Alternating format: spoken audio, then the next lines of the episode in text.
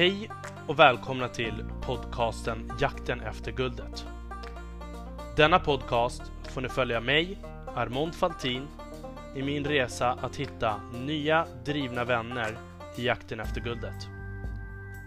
I denna jakt söker jag kunskap, nätverk och relationer. Jag kommer även dela med mig om mina egna tankar kring resan och ta upp aktuella ämnen som dyker upp på vägen. Häng med! Ingenting är omöjligt.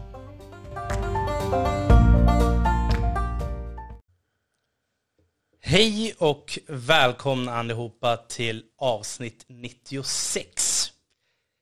Idag har jag med mig en supergrym gäst. Ni vet, jag har ju pratat om honom tidigare. Han var ju en av de här 264 personer som kom med i Shift Break It Challenge eller Shift Capital Challenge. Um, han kom med bland de 10 bästa av 264 som var antagna. Hej och välkommen Sailo Sall.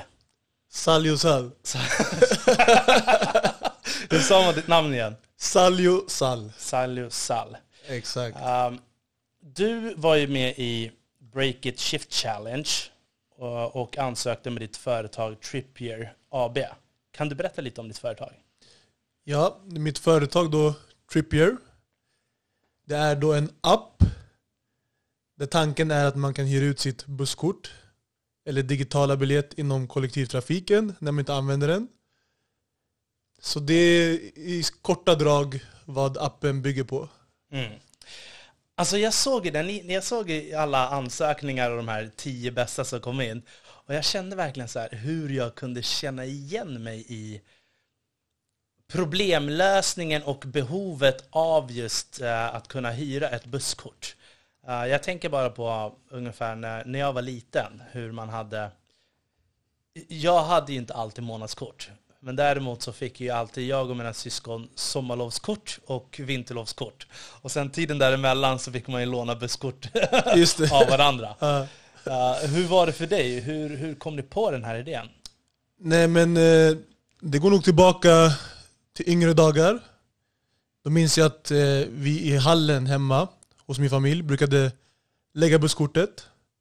Och då var det liksom alltid fritt fram för den som skulle iväg någonstans att ta den, använda den. Eh, det var någonstans där tanken egentligen föddes att men det här skulle man kunna göra med folk utanför familjen också. Mm. Ja, jag tycker verkligen det var en supersmart idé. Men jag tänker så här, vi kommer komma mer in på det lite längre fram. Men kan du berätta lite, var kommer du ifrån? Vart är du uppvuxen någonstans? Yes, um, ursprungligen är jag från, um, jag är född i Sverige. Min pappa är från Gambia och min mamma är halvfransk och halv senegales.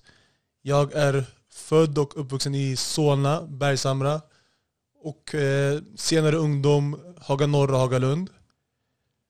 Så det är väl där jag tillbringat större delen av min uppväxt. Mm.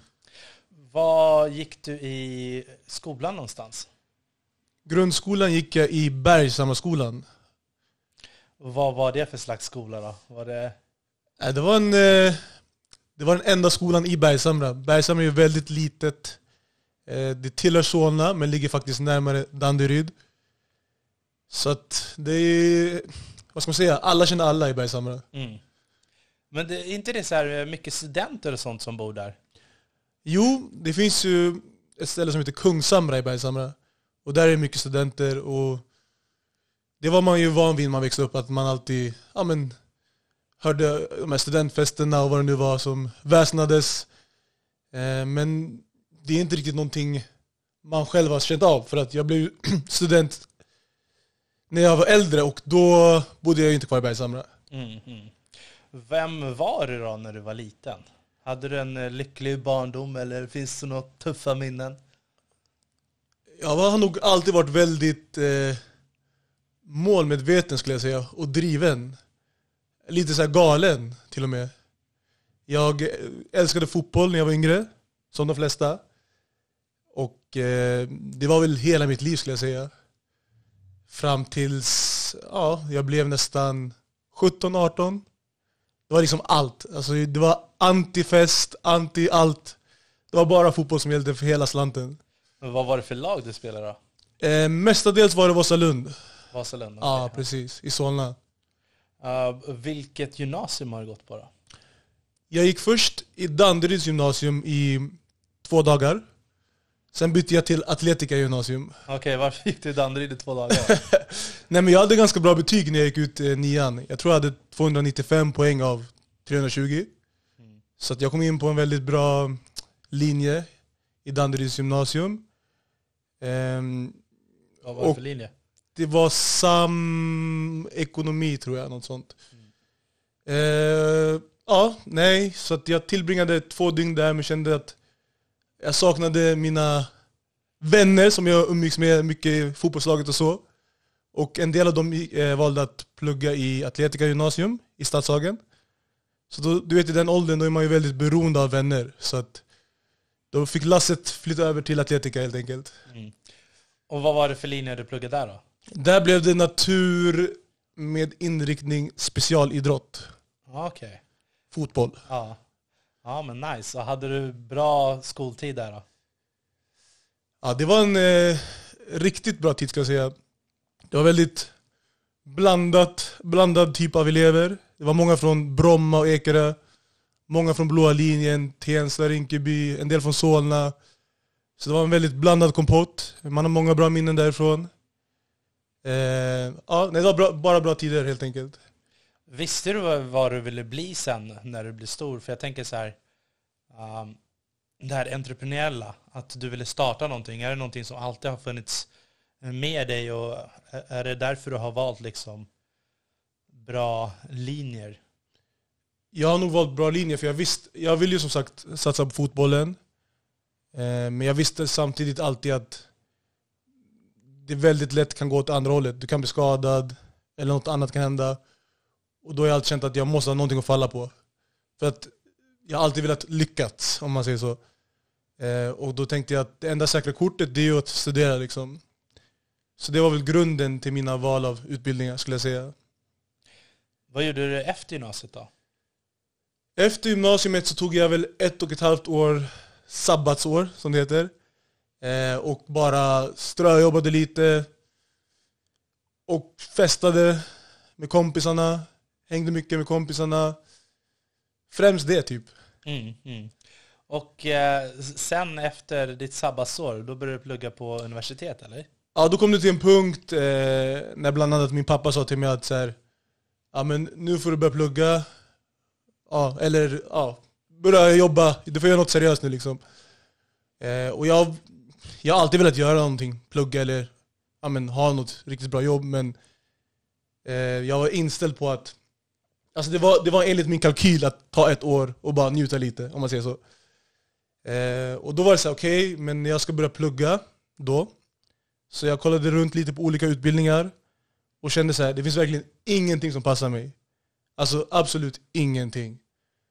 Och då tänkte jag så här, okej men då får jag ta någonting som ger goda chanser till att få jobb längre fram. Eller någonting som är relativt kul. Och då hittade jag en utbildning som eh, på Södertörns högskola. Där det var journalistik med inriktning nationalekonomi. Då tänkte jag journalistik kan vara nice för att jag gillar sport, fotboll. Nationalekonomi är bra för det är ekonomi och det är brett. Det är nog stora chanser att man får jobb. Så då, då blev det att jag körde på den linjen, helt enkelt. Och hur var universitetstiderna då? Alltså de var bra. Det enda jag kan ångra lite är att man inte typ var att plugga vidare i någon annan stad eller något annat land. För det blev ju lite gymnasiekänsla med tanke på att man kände så många där och att man fortfarande bodde hemma och, och var kvar i Stockholm. Men annars, det var, det var bra tider. Mycket plugg, eh, man träffade på mycket människor som man känner än idag. Mm. Jag tänker så här, nu när du berättar hela din story så känns det som att allting flyter på. Men det brukar ändå alltid finnas någon tuff grej däremellan eller någonting, eller kanske kommer det senare i resan? Eh, ja, nu var det väl en snabbspolning av mitt liv. Självklart har det varit tuffa perioder också. Alltså mycket så här tankar. Bland annat innan jag valde mm, linje på universitetet så var det ju tufft så här. Vad vill jag göra? Bara den perioden tror jag många kan känna igen sig i att man går runt och reflekterar och det är svårt att liksom hitta sig själv. Eh, och sen under de här åren så har jag också alltid, jag har alltid jobbat mycket ändå. När jag pluggade så stod jag i dörren samtidigt. Jag har jobbat som sopgubbe, snöskottare, på kafeteria. Så man har haft alla möjliga jobb och jag har alltid jobbat mycket. Ett tag hade jag tre jobb till och med. Då jobbade jag som dörrvakt, jag jobbade på kafeteria och så jobbade jag i en simhall. Så att det har varit tufft ändå skulle jag säga. Mm. Men du fick jobb i alla fall? Ja det fick jag till slut. Mm. Det går om man vill. exakt, exakt. Men eh, vad, vad gjorde du efter universitetet då? Efter universitetet, då stod jag kvar i dörren lite. Jobbade kvar som vakt. Var då någonstans? Eh, det varierade, men det var mestadels på Sturehov faktiskt. Sturehov var det mestadels.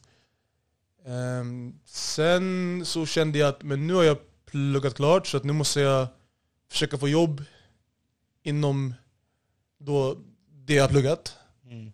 Främst ekonomi kände jag kanske då.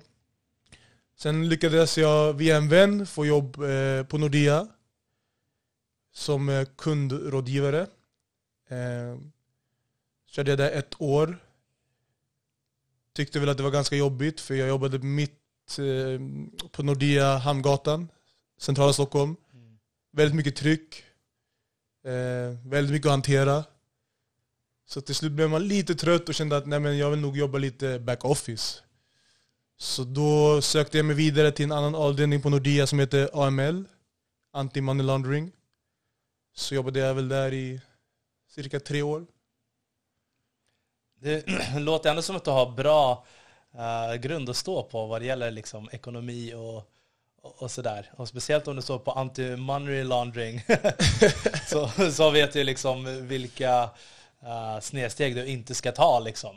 Jag kan Precis. tänka mig att det, blir, att det finns de som kanske inte gör fel med meningen. Ja men verkligen så. Nu kan jag ju slinka undan alla, alla skatte... Misstag. Ja men precis. Nej men självklart, det har varit en bra grund för mig att lära mig allt det här. Och jag känner att jag kan, jag har ju utrett allt från privatpersoner till företag. Och det är saker jag kan ha nytta av nu när jag driver eget, Mm. såklart. Så att, eh, hur länge var du kvar där sa du? Sex? Eh, på anti-money laundering, Ja. där var jag ungefär tre år. Något sånt ungefär. Mm. Och vad gjorde du sen då? Eh, jag var där, men eh, jag var inte där. Nej men jag var där för att men mina tankar var alltid någon annanstans. Jag minns till och med ibland när jag satt på min plats så brukade jag kolla ut från fönstret och så var det kollegor som sa sig Fan vad ofta du bara sitter och stirrar ut liksom. Och det var de här perioderna när jag drömde mig bort och tänkte att vad ska jag göra? Det här är liksom inte min dröm. Ehm, så att eh, under tiden när jag jobbade där så tillbringade jag mycket av min lediga tid till att liksom finna vad min passion var och vad jag ville göra med mitt liv. Som fick mig att känna en drivkraft. Och liksom att när jag vaknade, det, det är en bra energi att jag vill, bara, vill flyga från sängen. Liksom. Det var den eh, känslan jag sökte. Mm. Hittade du den känslan eller var det liksom bara ett ständigt jag? Och... Eh, det började med faktiskt att jag var så här. först måste jag lära känna mig själv tänkte jag. Så jag drog, utmanade mig själv och drog utomlands till Malta. Jag reste ensam bara för att så här. ja, det här är inte jag men jag måste göra det. Eh, efter det så blev det mycket att jag, när jag var hemma, jag läste mycket böcker.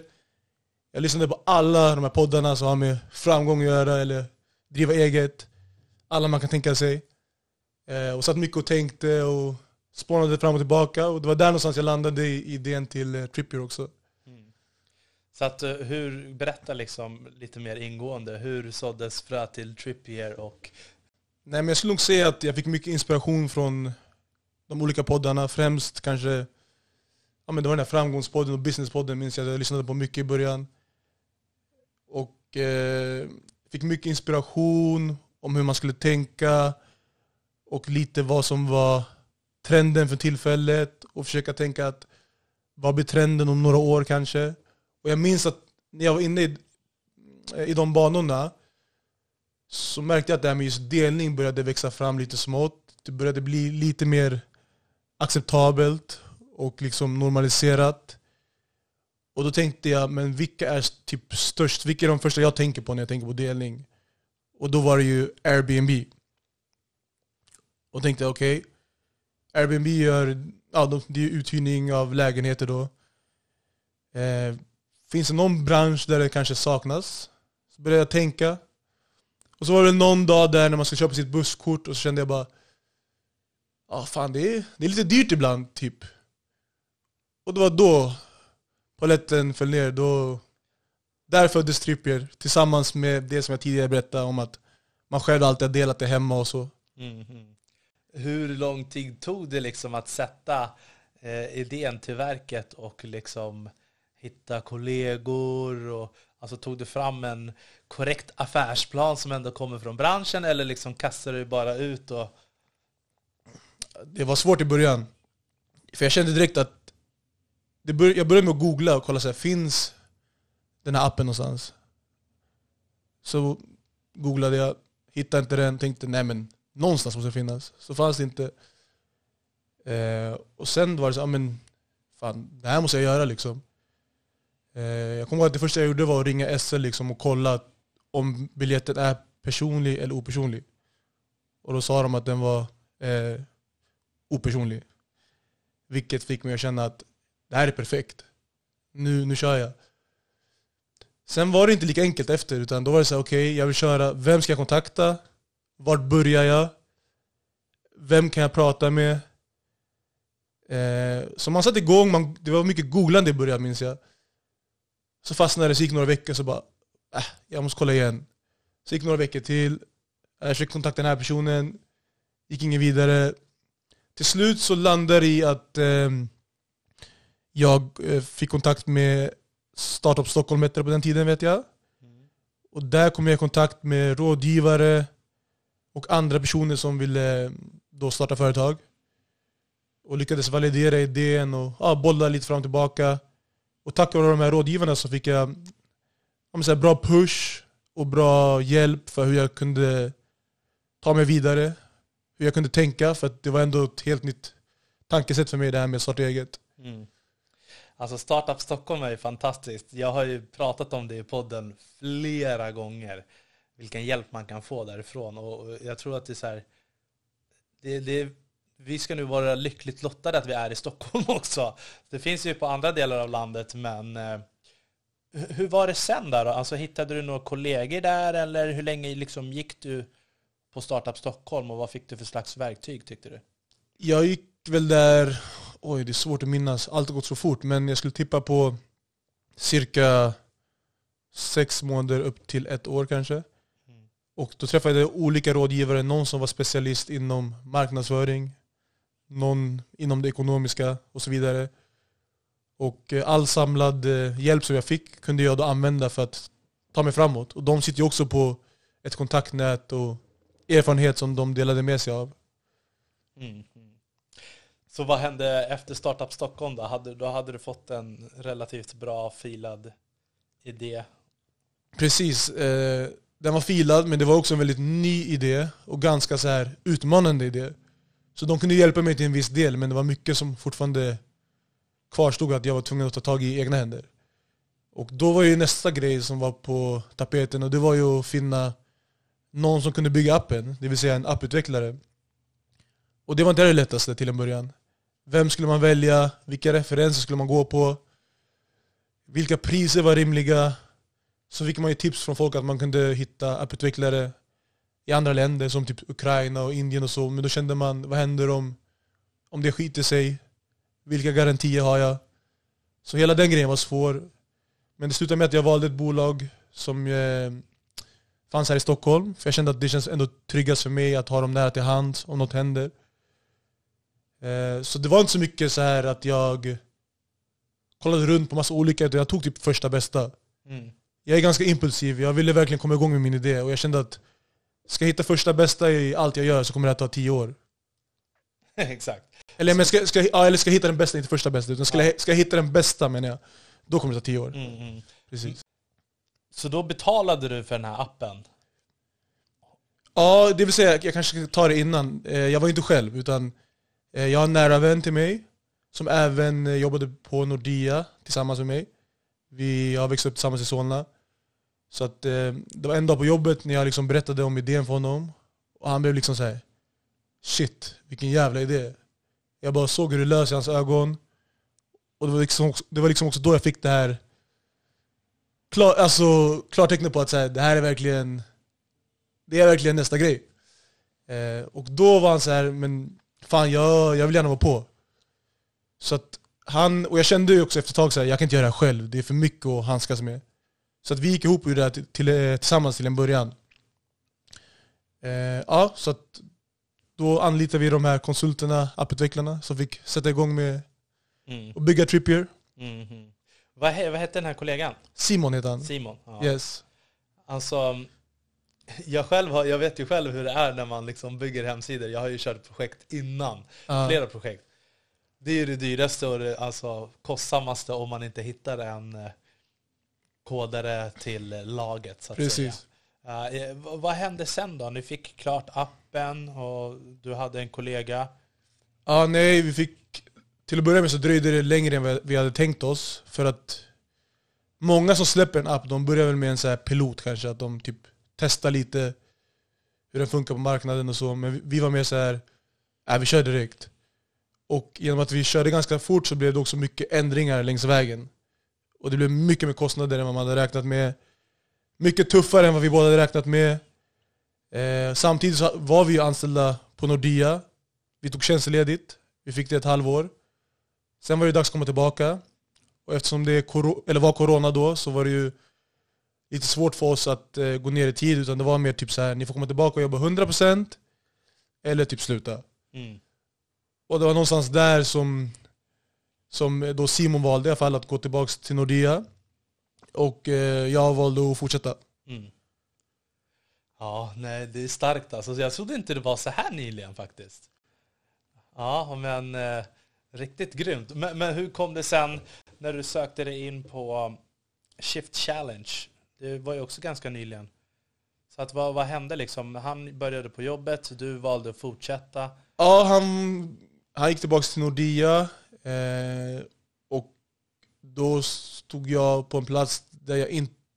Jag ville det här så himla mycket och jag trodde på det så himla mycket men jag kände att nummer ett, rent ekonomiskt så kommer jag inte kunna punga ut så mycket mer.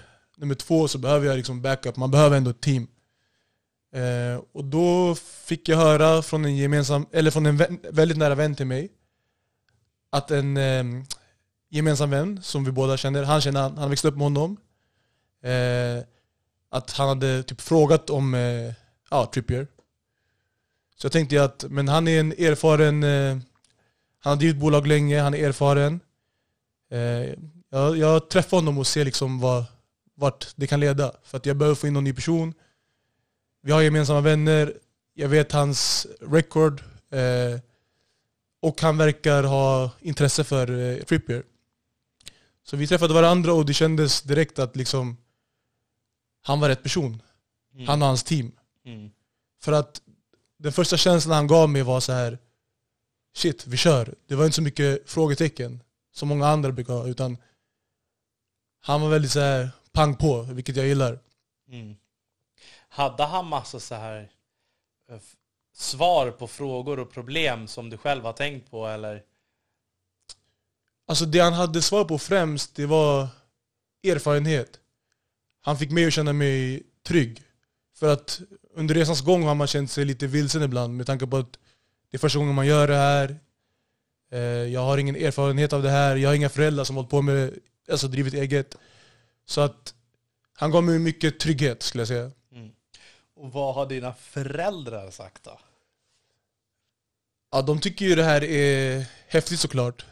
Det är ju annorlunda. Alltså det är inte något som alla i vår familj har gjort liksom. Så att de tycker det är jättehäftigt och ja, de stöttar det såklart. Ja, de gör det. De har, mina föräldrar har alltid varit så här att jag får liksom typ göra det jag vill. eh, Så länge jag är glad. Eh, men såklart, de vill att jag ska försöka välja rätt väg och göra gott. Det är väl typ det. Mm. Det låter ju asbra att eh, dina föräldrar har varit stöttande. Vad har liksom vänner och bekanta och sånt runt omkring dig sagt då? Har det aldrig varit någon som har sagt så här, lägg ner? Nej, det har det nog inte varit. Men jag tror också att alla som känner mig bra vet att jag är nog personen som går min egen väg. Så att även om, om någon skulle säga det så skulle det nog inte påverka mig i någon större utsträckning. Ja men det är ändå skönt att ha stöttning då och sådär till fullt ut. Men då har, du- då har du inte heller känt någon eh, pengastress eller sådär? Jo, definitivt. Det har ju varit den eh, värsta biten. Det har varit väldigt tufft, ska jag säga. Jag har ju gått in med allt jag äger och har för att göra det här. Så att det har varit väldigt tufft. Men samtidigt så har det varit ett enkelt beslut. Med tanke på att alltså jag brinner verkligen för det här och jag vet att jag nog inte vill ha ett 8-5 jobb som jag hade innan. Nu kanske jag bränner mina broar och får ett sånt jobb om det här skiter sig, men ja, det är sanningen i alla fall. Ja, det är omöjligt att gå tillbaka när man liksom får kämpa efter det oändliga. Ja, det är lite galet egentligen med tanke på att det är så tufft ekonomiskt och så, att man ändå vill göra det här. Mm. Så vad hände sen då, när, när, när du kom in i, i Shift? Hur, hur gick processen till när du skulle anmäla dig dit? Nej, men jag, jag läser ju Breakit dagligen, och då såg jag den här eh, Shift-tävlingen då, som annonserades. Och kände att ja, men, det här är väl ett bra steg för oss där vi befinner oss just nu. Att eh, försöka ta in kapital. Man ansökte och jobbade på som vanligt, försökte sköta Trippier som det ska skötas. Sen gick ju tiden och man gick vidare till nästa omgång. Det blev mindre kvar, och så till nästa igen. Och sen började man ju känna sig men fan det här kanske går hela vägen. Mm. Hur många var ni kvar när ni fick liksom träffa varandra och gå på det här utbildningsprogrammen, eller processen, eller vad man ska säga? Jag tror att utbildningsprocessen så var det 64 bolag, eller 62, Mm. som eh, fick vara med och delta tror jag. Var det några där under uttagningen som du kände så här, ja men de här kan nog komma någonstans eller? Ja, jag kommer ihåg när det kom till den punkten att man fick den här tävlingsinstinkten. Då kollade man upp lite andra bolag för att så här, ja, men jämföra lite. Hur vassa är de andra egentligen? Och det fanns, om jag ska vara ärlig, väldigt många bra kandidater. Mm. Så jag, jag, jag har ju en eh, kille, vi följer varandra, Techbonden. Ja, just det. Han var ju med där också. Ja. eh, som delar någon eh, app där man köper och säljer bilar för privatpersoner. Ja. Och han fick väl kapital innan han ens gick vidare i tävlingen från deltagarna har jag för mig. Ja, något sånt. Alltså just Techbonden känns som att han var typ Shifts kändis eller något sånt. Jag vet inte vad jag ska säga, men de skrev ju om han i tidigt skede. De hade någon, någon artikel om honom. Sen fick han också investering. Så att, ja, han, eh, han gick en egen väg kan man säga. Men det är jättekul för honom faktiskt. Mm, Och hu- hur var processen liksom under tävlingarna? Vad var det för slags tävlingar och vad var det för slags utbildning? Utbildningen, det var väl så olika, vad kallas det, webbinarium kanske. Med olika, inom olika områden. Så vi hade typ, ja, hur, hur eh, bygger man ett starkt team? Hur eh, hanterar man situationen med investerare? Lite så typ. Mm. Eh, och så var det då typ specialister inom varje område som ja, delade med sig av sin erfarenhet och kunskap till oss deltagare. Hur var det att ha Josef Alsen som du har lyssnat på podden ganska mycket på, som sen var en av föreläsarna va? Ja, det var väldigt häftigt. Väldigt häftigt, för att han är ju en av de som har inspirerat mig faktiskt. Så det var coolt. Dock så pitchade jag aldrig för honom, så att jag fick aldrig någon feedback. Eh, men det var ju två eller tre personer tror jag som pitchade just under Josefs ja, web- webbinarium. Eh, och, eh, nej, men det var, han är duktig, driven. Jag såg också att det var en massa skiftare som var på något ställe på Djursholm. Stämmer det? Var du där också då? Då har jag nog missat det där. Då var jag inte inbjuden. Oj oj oj, nu, nu var- spoilar du någonting här va? Ja, men då kanske det var, då kanske det var vad heter det, bara själva föreläsarna då? Kanske. Mm. Eller så var jag inte Så, ni bjuden. Vi får se. så ni träffades aldrig fysiskt eller? Nej tyvärr, det blir svårt med, i och med corona. Mm. Mm. Var, var, var det någon som du kände så här, ja men här lärde jag mig verkligen någonting? Jag lärde mig nog någonting från alla. Faktiskt. Mm. Och eh, nu var det ju ett gäng, du hamnade ju bland topp 10. Och av de här 10 så var det sex stycken som fick kapital. Vem, eller vad, vad tycker du om de som fick kapital? Nu fick ju tyvärr inte du kapital den här gången. Hur var det liksom att se de andra och vad, vad tycker du om dem? Jag tycker, jag är jätteglad för deras skull. För jag vet själv eftersom jag har varit med och deltagit, det var ju en lång process. Shift startade i februari och finalen var ju nyligen. Så att jag vet att alla som har tagit sig dit har gjort ett jäkla jobb. Eh, så de förtjänade investeringen till 100%. Eh, ja, För de, de som jag tänkte på som fick allra, eller det största kapitalet, det var ju 3,5 miljoner till Shoefolk. Det här eh, vegetabiliska tuggummit utan plast. Uh, det tänker man ju ändå så här, ja men de har en tydlig målgrupp, tydligt varumärke, det kan nog sälja liksom uh, till den målgruppen. Vad, vad, vad, vad var det, vilka tyckte du, fick du upp ögonen för? Är det några? Oj, svårt. Som sagt, jag tyckte verkligen... Alla gör ju nytta. Det var det som jag tyckte var så himla bra, himla bra inom sitt område. Bland annat Tjuvfolk som du sa. Det är ju helt rätt i tid. Alltså väldigt så här. Det är många som har insett hur bra det är att faktiskt ja, men gå den veganska vägen. Sen har vi ju miljonbemanning som gör gott. Massa jobb till människor. Eh, vilka mer fanns det? Ja, det är fler. Eh, Ice Scanner tror jag. Väldigt häftig. Väldigt häftig. Eh, jag hade velat se hur den funkar i praktik, praktiken. För eh, den kan ju nog göra nytta. Det här iScanner, jag tänker ju lite, iScanner är ju uh, den ena tjejen, hon heter någonting med Najafi. Just Då det. undrar jag om hon är Susanna Jafis syster eller kusin. Vet du vem Susanna Jafi är? Det vet jag om det är hon som eh, är bakom Backing Minds. Precis, som gav kapital till eh, Transfer Galaxy som sitter Ja här. just det, exakt. Ja. Det är roligt att jag tänkte samma sak. Mm. Jag tänkte så här, de måste ju vara släkt på något sätt. Ja. Så det är en väldigt entreprenöriell familj i sådana fall. ja, exakt. Då har, hon ju, då har hon en bra grund att stå på om man säger så. Om det nu är så, det vet vi Ja, inte. nej, men det vet vi inte. Men hon var i alla fall för detta polis och sen är det en för detta Säpo-polis som har gått in för att starta en eye-scanner som är AI-baserad för att eh, läsa av om du liksom har tagit droger i trafiken. Jag tycker så här. Det låter ju jättebra, men jag tror inte att det kan slå liksom salivtest eller pissprov eller något sånt.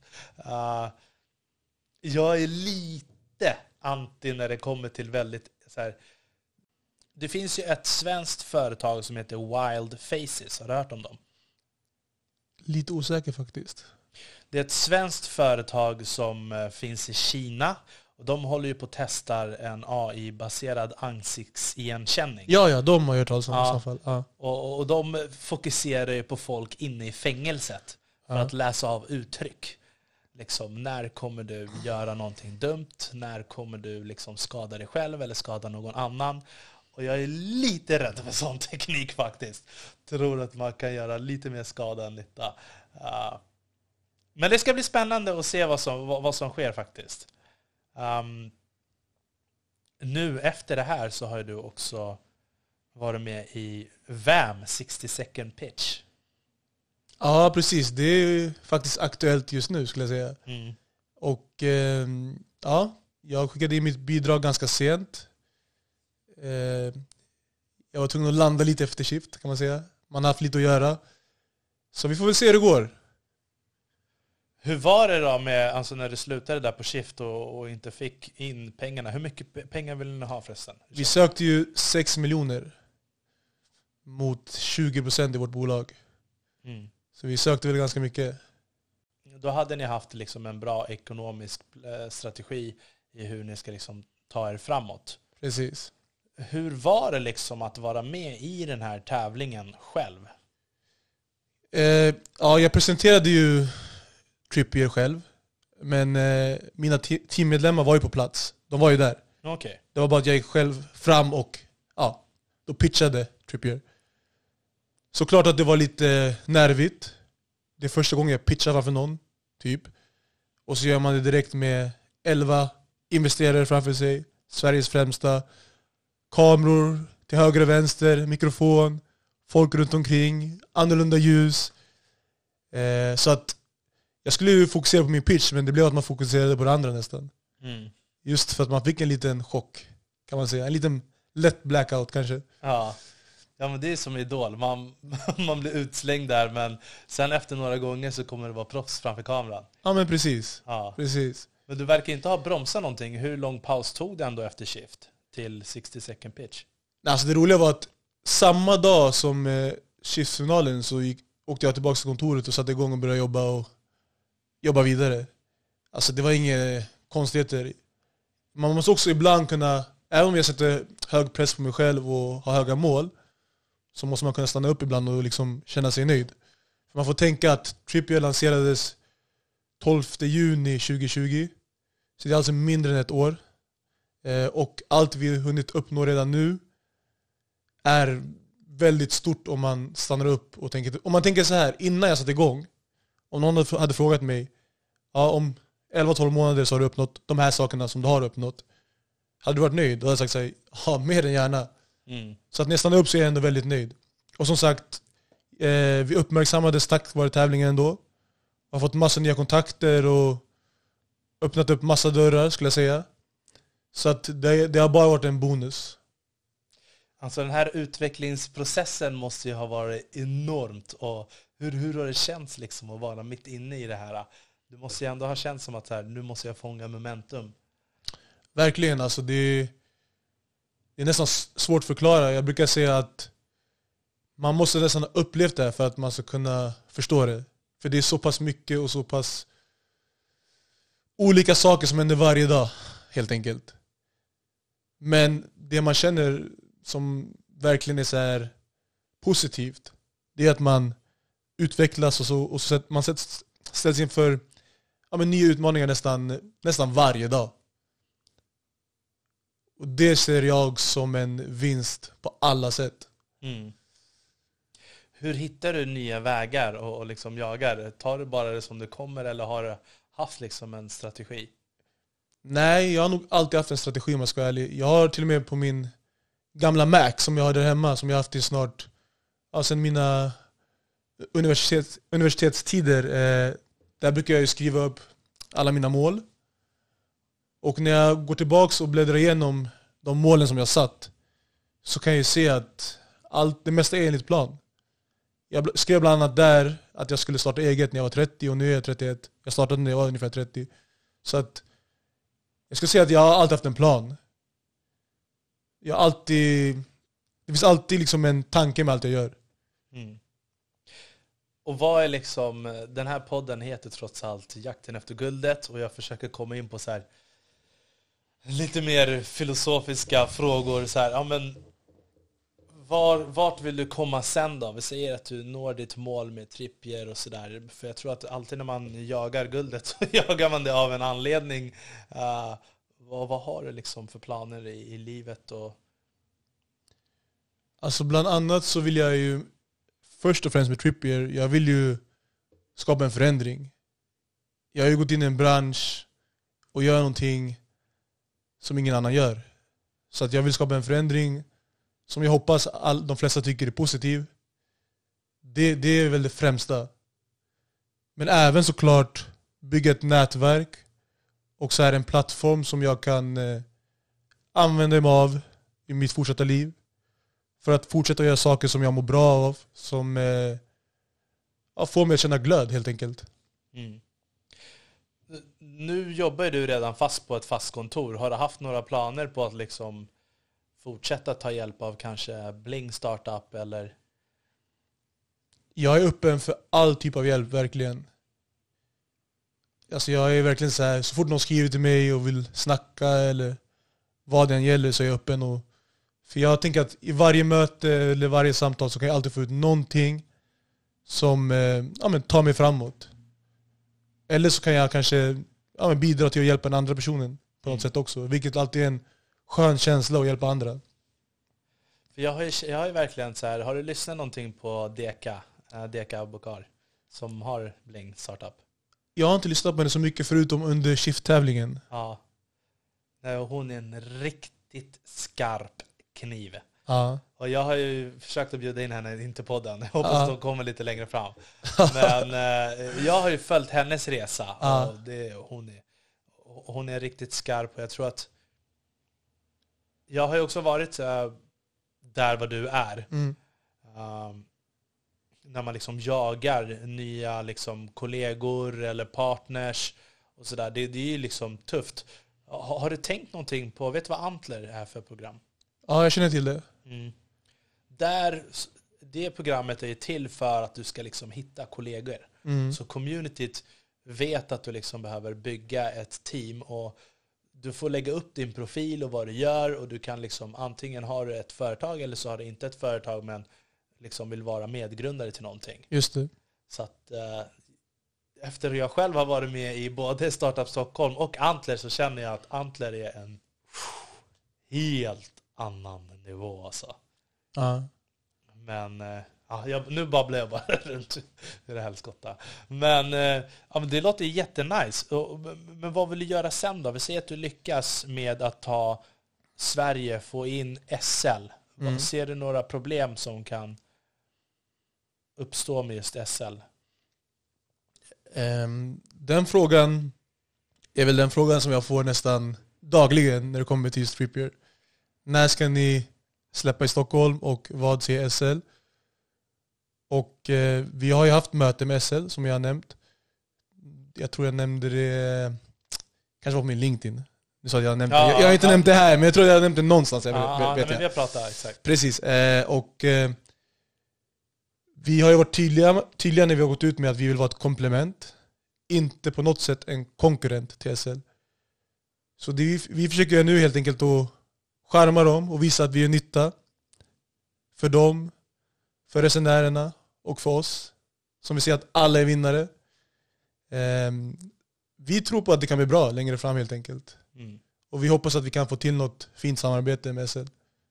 Just idag så har ni redan samarbete med Västtrafik? Eller? Vi har, vi har inte skriftliga samarbeten med någon av dem än, men vi har fört dialog med Skånetrafiken, eh, Östgötatrafiken. Eh, det är de vi har haft dialog med hittills. Mm. Yes. Ja, men det låter helt fantastiskt. Jag tror verkligen att det här kommer kunna göra stor skillnad för en, eh, en väldigt stor och tydlig målgrupp det här också. Eh, Så att jag hoppas verkligen på att det här kommer gå i järnet för dig. Men efter Trippier. För att man måste ju ha någonstans liksom, ja, men okej, du, vill du bygga en unicorn eller liksom vill du göra det här till... Ja, alltså nej, jag skulle säga att på tal om Unicorn som du nämnde, det var lite kul för i inför Shift-finalen så fick vi skicka in en videohälsning till de olika investerarna. Och då avslutade jag min eh, videohälsning med att säga att Trippier är Sveriges nästa unicorn. Så att då när jag ska upp och pitcha i finalen så kommer just faktiskt Decka fram till mig och säger att ah, nu har du satt ribban väldigt högt för att du har gått ut och sagt att eh, du ska bli, ni ska bli nästa unicorn. Så att, eh, ja. va, va, hur mycket pengar kommer du nöja dig med då? När, ska du göra en exit eller ska det här vara ett företag som går i familjen? Eller ja, har du tänkt i de tankarna? Eller? Nej som sagt, min främsta tanke just nu är bara att få till den här positiva förändringen som jag vill få till. När det är gjort, då kommer jag fram till eh, vad mitt nästa steg är. Mm. Ja, det låter fantastiskt. Men vad då? Så du säger att eh, pengar inte har någon betydelse eller? Självklart har pengar betydelse. Jag menar, jag har ju investerat väldigt mycket pengar i Trippier. Så bara där måste jag på något sätt eh, tjäna tillbaka mina pengar. Men sen även så... Pengar gör ju skillnad. Det kan jag inte förneka. Så i längden så är det självklart så att jag vill få ut någon ekonomisk vinning av det här. Du har inga drömmar om ett hus, eh, hus någonstans, kanske någon bil eller finns det inga liksom sådana drömmar? Nej, jag säger bara som min vän brukar säga, www, Volvo, och villa. Nej men självklart så vill man väl ha ett hus på franska rivieran och leva livet i solen. Det skulle jag inte tacka nej till. Mhm. Så det är glam som gäller för dig då eller? Ja, delvis. Mm. Jag tänkte så här, eh, nu när jag reflekterar över hela vårt samtal så känns det som att vi har haft liksom ett ganska fläckfritt samtal. Inga riktiga tuffa grejer och inga så här riktiga svar i var kommer drivkraften ifrån. För jag tror ändå att någonstans så kommer drivet från någonting. Var kommer ditt driv ifrån? Det är ju inte bara att du har vaknat upp och, vill jaga saker. Liksom. För att du har ändå trots allt stått och pitchat ensam och du pitchar nu i nästa tävling ensam. Och, uh, du har förlorat en kollega tidigare och, och det, det krävs ju liksom lite guts. Så var kommer det ifrån? Jag tror nog att eh, det grundar sig i dels revansch men även att bevisa skulle jag säga. Revansch. Tänker du på någonting specifikt där? Är det några första minnen när du liksom ville ge tillbaka? Nej men det är typ Det började väl egentligen från när jag var ung. Ehm, jag växte upp i en familj Där, ja jag har ju två föräldrar som älskar mig mer än allt Men Det kanske inte var ett hem där man eh, visade kärleken eh, På det sättet som man kanske behöver som barn. Det vill säga mycket kramar och mycket det här med att säga att jag älskar dig och sådana grejer. Så jag tror att eh, det gjorde väl att man eh, till en viss del inte alltid kände sig sedd, skulle jag säga. Och där föddes väl eh, den här drivkraften till att man hela tiden eh, ville överprestera och försöka vara bäst just för att synas. Jag tänkte på en sak också. Du sa att du var gambian, eller hur? Precis. Min pappa är från Gambia. Ja. Då säger inte du mamma och pappa eller säger, kallar ni dina föräldrar efter namn? Gambianer brukar väl göra det? Alltså grejen är så här, min pappa är från Gambia, han kom hit när han var 16-17. Min mamma är som sagt halvfransk, halvsenegales, så hon är uppvuxen i Frankrike. Men hon kom hit tidigt, kanske, hon gick i grundskolan och allting här. Så min mamma har väl, eh, hon är väl uppfostrad på, ja men enligt svenska termer. Hon har gått i skolan och allting. Min pappa är mer gambian om man säger så. Så att jag skulle nog säga att jag ändå blivit uppfostrad ganska, ja men så här, ett normalt svenskt sätt liksom. Mm, mm. Ja. Så du säger mamma och pappa och inte deras namn? Nej jag säger mamma och pappa, precis. Ja, ja. Jag har alltid undrat det. Varför säger gambianer alltså, deras föräldrars namn Ja. istället för mamma eller pappa? Ah, nej, hos mig har det inte varit så faktiskt. Mm, mm. Men känner du igen det, vad jag säger? Ah, nu när du säger det så i efterhand, ja faktiskt. Och då har jag tänkt så här. Kan det vara så att du ska inte visa den kärleken? Du ska visa den respekten och kalla mig med min titel eller mitt namn. Alltså, för att du ska få någon drivkraft. Ja, så respekt är ju kanske grunden, skulle jag säga, i, i vårt hem. Och det är verkligen så, så här. Även fast du kanske inte alltid håller med, eller eh, du kanske liksom håller dig för att säga alltid vad du tycker och tänker. För att du någonstans alltid vet att eh, du måste ge- ge den respekten som förväntas. Så är det ju. Har du några syskon? Två syskon, en eh, syster och en bror. Äldre, yngre? Äldre bror och yngre syster. Så du är mellanbarn? Precis. Medlare? Ungefär så. Ja. Så, så drivkraften kommer vadå, hemifrån att du vill liksom bevisa hemmet att du kan prestera eller? ja, precis. Alltså, främst tror jag att när man var liten så handlade det väl om att man ville bli sedd. Och då tänkte jag väl att för att bli sedd så måste du synas. Och hur syns man? Jo, genom att vara bäst, typ. Och sen så har man väl haft det tankesättet med sig. Och sen var det också så att när jag växte upp som ung, eller ja, tonåring, så var jag väldigt, eh, jag var väldigt sent i puberteten minns jag. Så att jag växte också väldigt sent. Jag kommer ihåg att eh, när jag gick i, vad var det, andra ring i gymnasium. Vad är man då? Då är man väl typ 18, där någonstans. Då har jag sett i papperna, då var jag liksom 1,72 tror jag. Och idag är jag över 1,90 så att jag, jag var alltid väldigt sen i utvecklingen. Och du vet, man spelar fotboll var alltid så ah, men du är så liten. Och de grejerna. Eh, jag kom in i målbrottet sent som hade en sån här liten pipig röst, senare än alla andra. Jag också. Typ, typ trean i gymnasiet så kom jag i målbrottet. ja, nej men exakt det. Så att det var också så här. Jag kommer ihåg att jag alltid tänkte för mig själv, jag bara vänta bara, vänta bara. Och den eh, känslan har jag väl burit med mig i stort sett hela mitt liv tror jag. Mm. Och nu den här uh, Shift Challenge där vad det handlar om att ta in människor ifrån förorten, landsbygden och liksom folk från utsatta områden. Vad tycker du om hela konceptet och idén?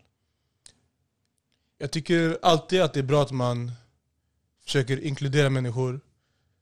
Men jag tycker att det viktigaste ska vara själva eh, affärsidén i sig. Att, att den är bra och att det är rätt person mer än vad personen har för bakgrund kanske. Mm. Tyckte du att det var lite välgörenhet på Shift eller hur såg det ut där? Vad, vad tänker du? Nej, alltså välgörenhet skulle jag nog inte säga utan de som har eh, roddat det här har gjort ett fantastiskt jobb. Eh, och som sagt, jag tycker att alla finalisterna var jätteduktiga. Så att, nej, jag skulle inte säga, jag skulle inte säga välgörenhet. Nej, jag, sa, jag nämnde, jag sa någon fel grej också. Jag tycker också att de gjorde jättebra. Det var inte många där som jag tror kommer bli unicorns, men uh, alla kommer ju skapa sin del av uh, förändring i deras område och det behövs nog. Ja, precis. Verkligen så. Och sen det du sa med att, när du nämnde det här med välgörenhet, du kanske menade mer om jag tyckte att eh, själva ja, idén som de andra satt på, om den var tillräckligt utmanande eller så.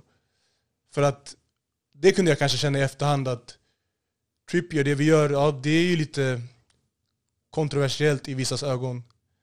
Eftersom eh, vi då ska ja, på sätt och vis utmana, men vi vill ju jobba med SL. Medan många andra idéer var ju väldigt mycket så här. det är goodwill. De gör bra saker, de trampar kanske inte riktigt någon på tårna. Som det lätt kan uppfattas att vi gör, men som jag hela tiden poängterar så, så är inte det vårt syfte och vi ska bevisa att vi bara gör gott för trafikbolagen. Vad, vad, vad sa de liksom, vad, vad kände du och vad sa de när du inte fick in kapital?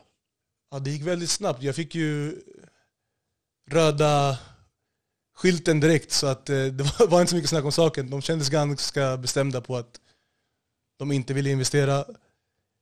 Eh, sen tycker inte jag heller att min pitch framfördes på bästa sätt. Som sagt, jag var väldigt nervös.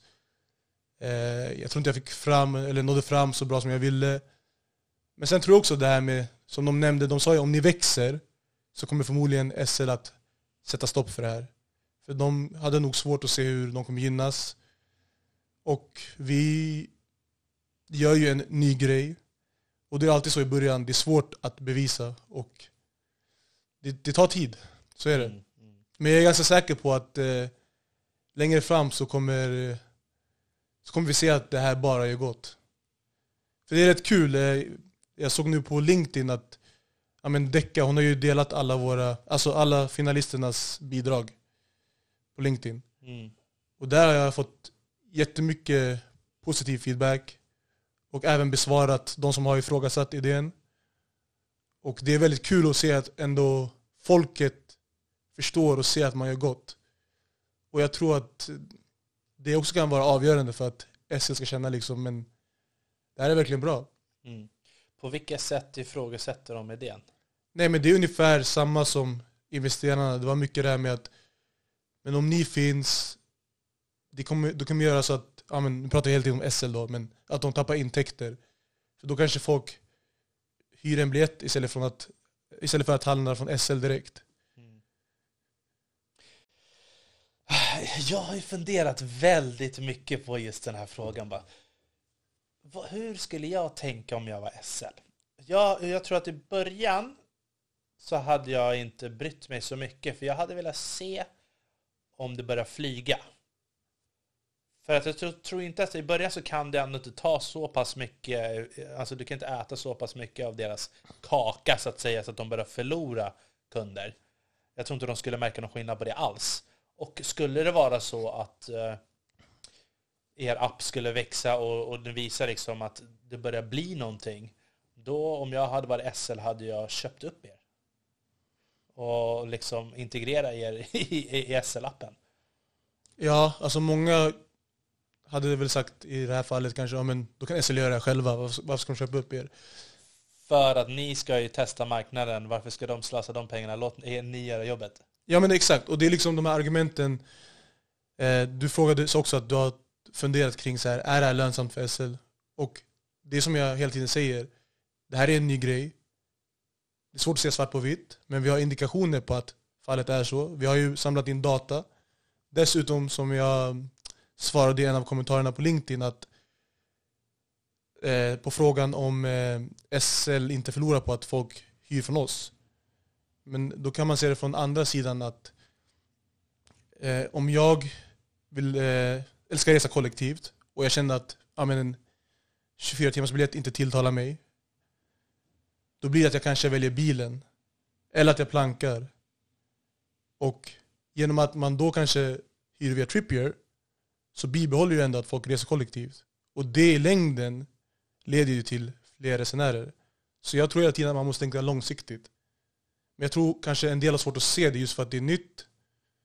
Och sen även nu när vi är mitt i pandemin så är det också jätteeffektivt. Det gör ju att det blir mer värt att köpa ett månadskort när du vet att du kan hyra ut den. Kanske om du jobbar hemma två gånger i veckan. Eh, så att det är väldigt mycket fördelar skulle jag säga. Men man måste se det i det stora hela. Följer du eh, Voice resa någonting? Självklart. Ja, för de vill ju också integrera Voi med SL och andra kollektivtrafiklösningar. Just det. Så att eh, där är ju ett perfekt exempel på att se hur man liksom kan knyta ihop lösningar. Precis. Alltså jag tror att i slutändan kommer det handla om att de alternativen eller färdmedlen som är hållbara och skonsamma för miljön kommer ju bli vinnarna. Vi befinner oss i ett läge nu där det är väldigt viktigt att vi agerar. Och Voi är ju ett bra alternativ och det vi gör är också ett bra alternativ. Så man skulle kunna säga att det blir bra komplement helt enkelt. Mm. Ja, jag tycker att det här låter jättespännande och jag hoppas verkligen, eller jag, jag tror att ni kan jobba på ganska bra.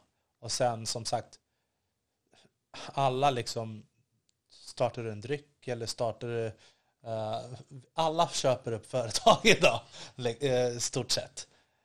Um, så att där tror jag att så länge man har den dörren öppen och eh, har en ekonomisk plan där det liksom kan finns utrymme att gynna alla så kommer det nog gå bra.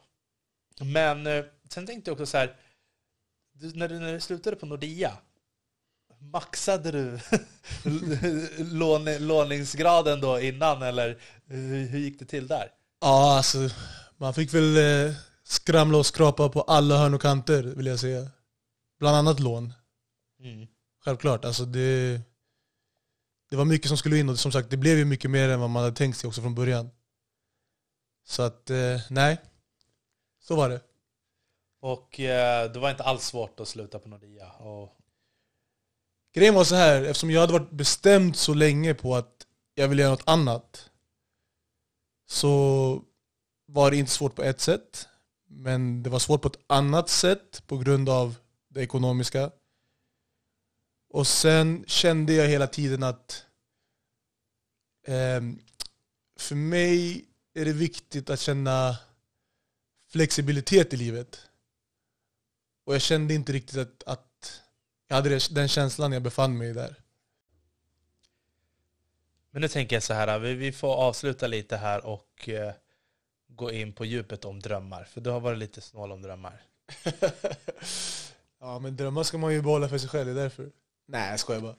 Nej men eh, mina drömmar, det är först och främst, som jag nämnde tidigare, vad jag vill uppnå med Trippier.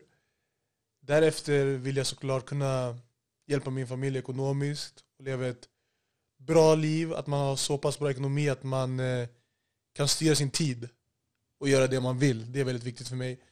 Men även eftersom nu jag är inne här med startups och jag verkligen älskar det så skulle en dröm vara att längre fram inte starta en till Trippier för att den resan har varit väldigt, väldigt jobbig.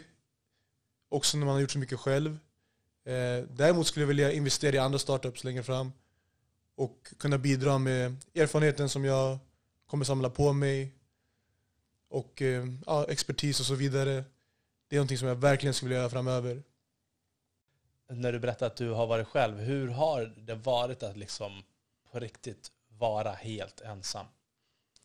Jag har ju inte varit helt ensam rakt igenom. Jag har ju haft som sagt eh, Jag var ju med Simon i början Sen nu har jag ju nya delägare som hjälper mig väldigt mycket och där på, på deras kontor där jag sitter så är det ju fantastiska människor, jätteduktiga, jättedrivna, jag får jättebra hjälp. Men mycket har jag gjort själv och idén började någonstans med, med mig själv. Så att det har varit väldigt, väldigt tufft. Väldigt utmanande. Många sömnlösa nätter. Många tidiga morgnar när man vaknar och har ont i magen. Och tänker att hur ska det här gå runt? Eh, hur ska jag få ihop det här? Och man har varit väldigt själv, främst i tankarna skulle jag säga. Det är det som har varit jobbigt. För att även om man pratar med någon annan så är det svårt för den att kanske förstå om man inte har gjort det här själv eller om man inte är insatt. Så det är väldigt tufft. Det har varit jättetufft faktiskt. Mm. Men samtidigt, jag har aldrig lärt mig så mycket som jag har lärt mig under det här året med Trippier. Mina tre år på universitet, mina fyra år på banken, inte ens i närheten. Ingenting eller? Inte i närheten. Så det här är någonting man inte kan köpa sig utan jag... Det är, det är det tuffaste jag gjort, men samtidigt det bästa och mest lärorika. Förstår du nu varför folk startar sådana här inkubatorprogram och sådär? Definitivt. Eh, det är guld värt. Och jag förstår varför Sverige har så många lyckade startups och unicorns. Just för att vi har sån här, sånt bra nät med inkubatorer och liknande. För att det är verkligen till stor nytta. Och det gör skillnad. Jag skulle till och med kunna säga att det är avgörande i vissa fall. Jag håller helt med. Alltså jag håller verkligen helt med. När det kommer till de här inkubatorprogrammen. Och när du säger att du skulle vilja investera sen när du har liksom byggt upp Trippier och du har blivit så pass stort att det typ kanske flyter på av sig själv och du tar något steg tillbaka. På vilket sätt skulle du vilja investera i andra? Nej, jag tror mer att jag skulle vilja investera i folk som kommer från eh, samma situation som jag själv. Det vill säga folk som inte har växt upp kanske i en familj där det har varit vanligt med, ja, med företagande och som inte har rätt kontakter. Att kunna öppna upp för dem att komma typ, till mig med en idé och sen där hjälpa dem på traven. Så att de från början kan eh, slippa göra massa misstag som bland annat jag gjorde och slösa massa tid. Men du har inte slösat någon tid, du har ju kommit otroligt långt på ett år. Ja absolut, jag har kommit väldigt långt. Och eh, när jag säger slösa tid, då menar jag mer kanske få tag i rätt kontakter snabbare. Eh, inte ja, men, signa upp med felaktiga eller alltför dyra konsulter. Den biten hade jag gärna besparat mig. Men det är också det som har gjort att man har lärt sig mycket. Så att på sätt och vis har det ändå varit väldigt bra. Mm. Men jag tror att det kan vara skönt för folk som vill eh, sätta igång med en startup att få just den hjälpen. För jag tror att många har en tanke och vill sätta igång, men sen märker de att nej, men det är för krångligt, det är för svårt, det är kostsamt. Och sen ger de nog, de ger nog upp tror jag. Mm. Men en tanke som jag har, det är så här, hade jag fått all kunskap innan, som till exempel som jag fick på Startup Stockholm, då hade jag nu aldrig ens startat ett företag. Nej, och det, det är exakt Men sen det. så hann jag och, och få roligt på vägen Ja. som gjorde att jag såg det i andra ögon. Mm. Uh, vad tänker du där? Nej, jag håller med dig, jag tror också nämnde det i den här artikeln på Breakit att eh, det är kanske är lika bra att man inte vet vad som väntar. För att det hade nog skrämt de flesta. Just att det bara blir ett äventyr där man får ta det dag för dag och liksom man har bestämt sig för att gå i mål och allt som händer där på vägen får man bara liksom lösa. Om man inte har varit en hustler så lär man sig att bli en hustler. Alltså, så är det. Mm. Alltså jag tycker att det har varit fantastiskt att ha det här. Och eh, en sista fråga bara innan. Sociala medier. Jag hittar inte det på sociala medier. Och jäklar, där kommer den här frågan alltså. Nej men eh, det är inte så konstigt för att jag har inte haft sociala medier sen jag var 20 och eh, jag fixade ett Facebook-konto ganska nyligen bara för att kunna ja, hantera lite olika saker med Trippier. Mm. Så kommer du växa i dina medier nu framöver? Det känns väl som att man måste det för att eh, folk ska lära känna en och liksom lära känna Trippier på rätt sätt så är väl det ett, nästan ett måste. Så jag kommer nog dyka upp lite mer på sociala medier. Ni kommer definitivt se mer av mig. Särskilt på LinkedIn tror jag. Så eh, hur kan de komma i kontakt med dig då? Vad heter du på LinkedIn? LinkedIn, då är det mitt eh, för och efternamn, Saliosal. Det är väl där ni kommer i kontakt med mig främst. Eh, ja, Och du är öppen för alla som kontaktar dig och vill skriva till dig? Definitivt. Jag brukar vara jättesnabb att svara. Jag sköter ju det mesta på mobilen så att jag eh, svarar väldigt snabbt.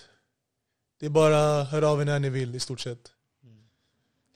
Tack så jättemycket för att du kom och besökte podden. Och eh, till er andra, jakten efter guld med vänner. Vi hörs igen nästa vecka eller veckan efter det. Med vänliga hälsningar, Armon Faltin.